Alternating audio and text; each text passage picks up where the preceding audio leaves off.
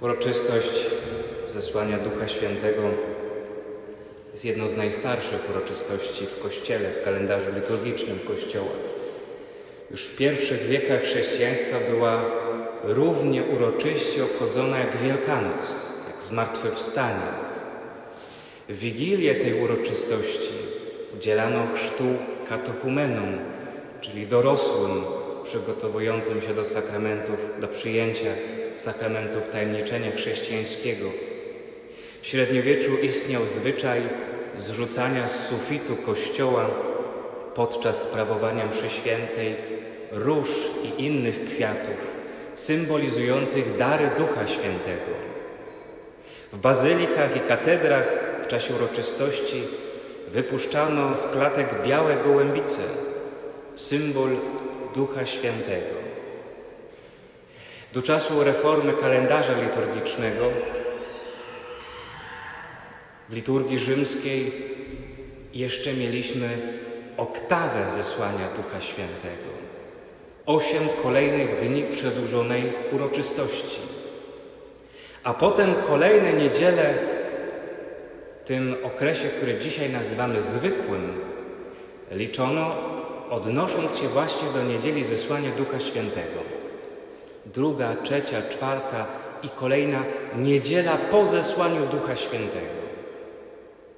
To nam wszystko pokazuje, jak to jest ważny dzień, ważna uroczystość, zesłanie Ducha Świętego, czyli wydarzenie pięćdziesiątnicy, bo następuje pięćdziesiąt dni po uroczystości zmartwychwstania. Jest wypełnieniem i zakończeniem świąt paschalnych, świąt wielkanocnych. Dzisiaj kończymy okres wielkanocny. Wstąpienie na uczniów Ducha Świętego, ono rozpoczyna w historii zbawienia nowy okres, nowy czas. Czas Kościoła. Czas Kościoła, który jest prowadzony przez Ducha Świętego, który kontynuuje rozpoczęte dzieło Jezusa Chrystusa na ziemi. Jezus zanim tchnął na uczniów i udzielił im Ducha Świętego, powiedział do nich: Jak mnie Ojciec posłał, tak ja was posyłam. Duch Święty zostaje udzielony uczniom, aby mieli moc głosić Chrystusa zmartwychwstałego. Zostaje im udzielony do posłania, do pójścia, głosić, że On żyje, że On nas oczekuje w niebie, gdzie jest nasza Ojczyzna, gdzie przygotował nam mieszkań wiele. Czytaliśmy w okresie wielkanocnym dzieje apostolskie. Dzisiaj też słyszymy fragment z dziejów apostolskich. Łukasz opisuje w dziejach apostolskich młody Kościół, początki Kościoła, żywą wiarę uczniów, intensywny rozwój. Po zesłaniu Ducha Świętego uczniowie, którzy byli zalęknieni, przemienili się. My dzisiaj wracamy w liturgii do tego tekstu Ewangelii, który czytaliśmy na początku. Spinamy to klamrą. Wracamy znowu do wieczornika i tej sytuacji, tego momentu, którym siedzą zalęknieni. A jak czytamy dzieje apostolskie, to słyszymy, że oni niczego się już nie boją, że oni idą odważnie głosić Słowo, że odważnie dają świadectwo wiary w Jezusa zmartwychwstałego, pomimo że ich współbracia, Żydzi, nie podzielają tej wiary odrzucają i ich za to prześladują. To właśnie w dziejach apostolskich znajdziemy przecież opis wielkich mów i czynów świętego Piotra. Znajdziemy opis jego cierpień dla imienia Jezusa. Tu znajdziemy opis pierwszego męczeństwa za wiarę w Jezusa, męczeństwa świętego Szczepana, przy którym był przecież Paweł, A potem czytamy, jak Paweł spotkał Jezusa zmartwychwstałego. I jak moc Ducha Świętego go przemieniła i udaje się na wielkie wyprawy misyjne. Dzieje apostolskie dają nam obraz chrześcijan, którzy trwali w nauce apostołów i we wspólnocie, w łamaniu chleba i modlitwach, którzy dbali o biednych i ubogich, troszczyli się, żeby orędzie o zbawieniu Chrystusa dotarło do wszystkich ludzi, których charakteryzowała miłość wzajemna. To nie jest tylko zapis historyczny początków Kościoła. To jest opis natury Kościoła. To jest ciągle aktualne zadanie Kościoła, do którego nas uzdalnia właśnie Duch Święty. Wołajmy więc dzisiaj mocno do Ducha Świętego, żeby On przyszedł i działał, żeby przemieniał nasze życie, żeby umacniał nas w wierze, żeby podtrzymywał naszą nadzieję, żeby rozniecał w nas ogień miłości, żeby mogła się w nas dokonać taka sama przemiana, jak w uczniach, żebyśmy przeszli od naszych lęków i niepokojów do pokoju serca. Żebyśmy przeszli od niepewności, wątpliwości do pewności wiary. Żebyśmy przeszli od smutku nad tym, co nas boli, jest trudne, do pełni radości, która płynie z faktu zmartwychwstania. Żebyśmy przeszli od rozczarowania, tym, co przynosi nam codzienność, do entuzjazmu, którą daje wiara. Dzisiaj jest ten czas, żeby otworzyć na oścież serca przychodzącej miłości Boga. On dzisiaj chce przyjść, tak jak przyszedł do uczniów wieczerniku, zamkniętych i zalęknionych. Chce przyjść i udzielić także nam Ducha Świętego Chciałbym, żebyśmy o to prosili w tej mszy świętej. Wróćmy jeszcze raz do Ewangelii. Jak Ojciec mnie posłał, tak i ja was posyłam. Jezus posyła nas do świata, udzielając nam Ducha Świętego. Z tego posłania wynikają dwie rzeczy. Po pierwsze, że nie żyjemy tylko dla siebie.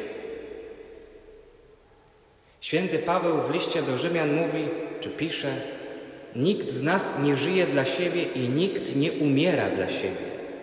Jeżeli bowiem żyjemy, żyjemy dla Pana. Jeżeli zaś umieramy, umieramy dla Pana. Tak, całe nasze życie należy do Pana. Powinniśmy na nowo uznać naszą zależność od Niego bo tylko wtedy odzyskamy prawdziwą wolność i pokój serca. Naszą skażoną grzechem pierworodnym naturę wpisane jest niestety dążenie do absolutnej niezależności. To jest to ta walka, która dzieje się wewnątrz nas, pomiędzy naszym dążeniem do niezależności, a zależnością od Boga. I to zręcznie wykorzystuje świat i szatan. Piotr nas przestrzega w swoim liście: bądźcie trzeźwi, czuwajcie. Przeciwnik wasz diabeł, jak lew ryczący, krąży, szukając kogo pożreć. Warto dostrzegać w swoim życiu i pokusy płynące z naszej słabej natury, i ze świata i od złego, które próbują nam wmówić, że możemy być niezależni od Boga i Jego praw. Kiedy Jezus posyła uczniów, to wyraźnie pokazuje, nie żyjemy tu dla siebie, żyjemy dla Boga i żyjemy dla wspólnoty, której Bóg nas powołał. A drugi wniosek, powołanie uczniów Przypomina nam także, że naszym zasadniczym powołaniem jest służyć. Służyć. Bóg nas nie stworzył narcyzami, którzy kręcą się wokół własnych spraw.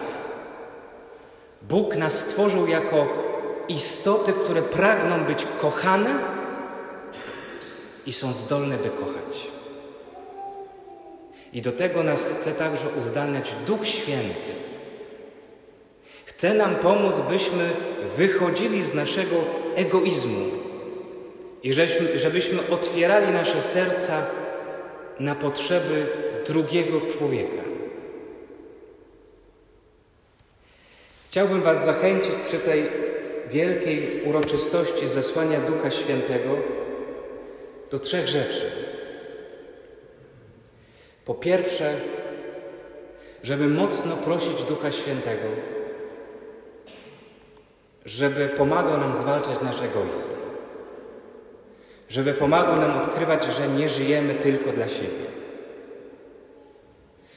Po drugie, proszę Was, proście Ducha Świętego, żeby pomagał Wam służyć. To znaczy żyć w duchu miłości wzajemnej.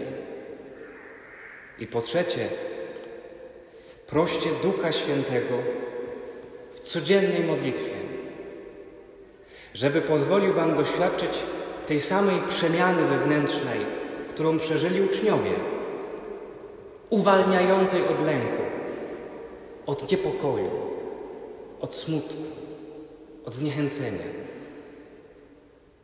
Żebyśmy mieli tyle samo entuzjazmu, co oni, kiedy idą i dzielą się swoją wiarą, pomimo trudności.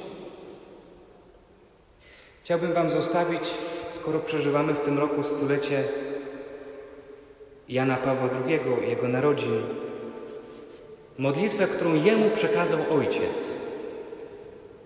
Przekazał i powiedział: Nie modlisz się dosyć do Ducha Świętego. Powinieneś się modlić do Niego.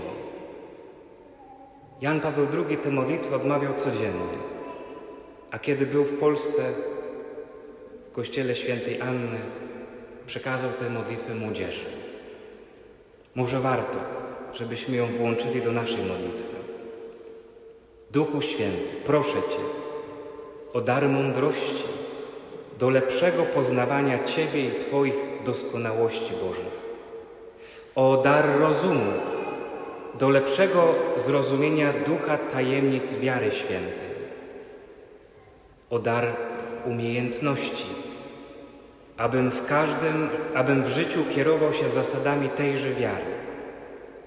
O dar rady, abym we wszystkim u Ciebie szukał rady i u Ciebie ją zawsze znajdował.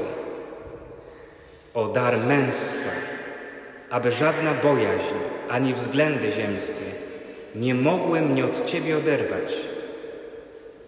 O dar pobożności, abym zawsze służył Twojemu majestatowi z synowską miłością.